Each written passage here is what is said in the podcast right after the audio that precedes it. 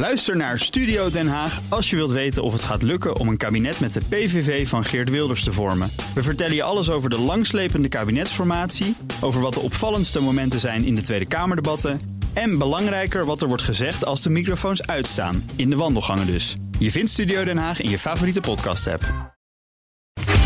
Tech Update. Met Connor Klerks. Goedemorgen, Connor. Goedemorgen, Meindert. Hoe is het?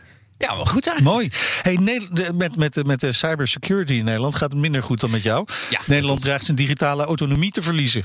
Ja, dat schrijven eh, onze collega's van het FD vanmorgen op basis van een advies van de Cybersecurity Raad.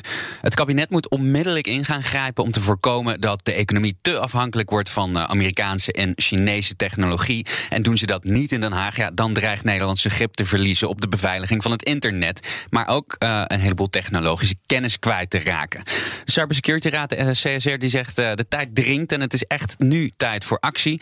Cybersecurity is wereldwijd natuurlijk eh, een zorgenkindje. Eh, denk bijvoorbeeld aan de Colonial Pipeline in Amerika, die vorige week werd platgelegd door een cyberaanval.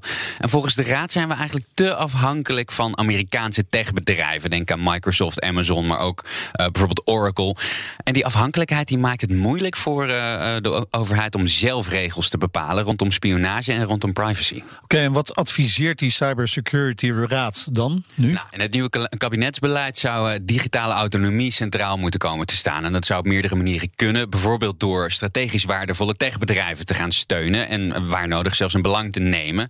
Heel af en toe doet het kabinet dat al wel eens. Eh, volgens het FD investeerde het kabinet vorig jaar 20 miljoen in het Eindhovense Smart Photonics. Dat was om een eh, buitenlandse overname te voorkomen. En ook moet de overheid veel IT-diensten niet langer openbaar gaan aanbesteden volgens de Raad. En dat zou wel een grote verandering zijn.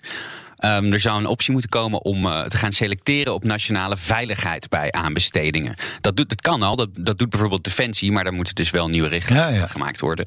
En op die manier zouden dan eh, Amerikaanse of eh, Chinese partijen buiten zo'n aanbesteding kunnen worden gehouden. Want nu, denk aan KPN en Huawei, is de prijs nog gewoon vaak leidend. En de Raad adviseert daarom ook om eens te kijken naar Europees geld. want je kan gewoon geld uit Brussel claimen voor strategische investeringen in Nederlandse tech. Want Brussel stelt daar eh, via allerlei fondsen best wel veel geld voor beschikbaar. Ja, en dat het van belang is, hè, dat, dat laat die- die, die oliepijpleiding zien. Maar ook nu weer een Europese tak van Toshiba getroffen door een cyberaanval. Ja, eh, grappig genoeg ook eh, waarschijnlijk dezelfde lui die achter de Colonial Pipeline hack zaten. De dark side. de dark side, inderdaad. Schrijft Reuters vanmorgen. De beschikbare informatie die is nog heel sumier. Maar de Japanners hebben wel in elk geval de hack bevestigd. En ze melden dat er onderzocht wordt wat er precies aan de hand is. Ja, dan gaan we nog even naar Elon Musk. Die zorgt weer eens voor flinke koersschommelingen op de cryptovaluta-markten. Ja, het is eh, weer raak. Inderdaad, ehm, Bitcoin is eh, behoorlijk eh, omlaag gegaan de afgelopen dagen. Dat zit zo. Tesla heeft een grote U-turn gemaakt. Ze zouden, ze accepteerden Bitcoin als betaalmiddel.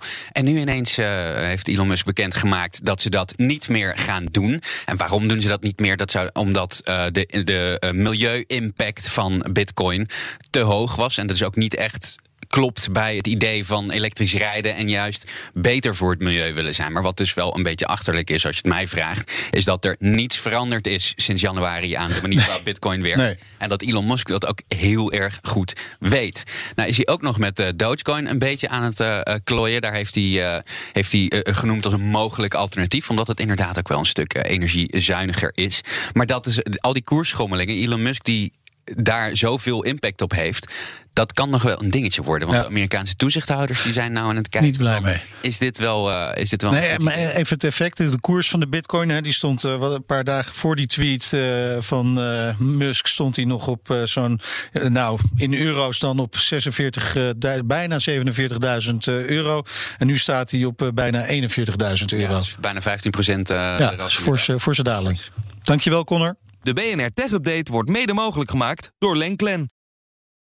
Ook Thomas van Zeil vind je in de BNR-app. Je kunt live naar mij luisteren in Zaken doen, de BNR-app met breaking news, het laatste zakelijke nieuws en je vindt er alle BNR-podcasts, bijvoorbeeld Het Nieuwe Geld. Download nu de gratis BNR-app en blijf scherp.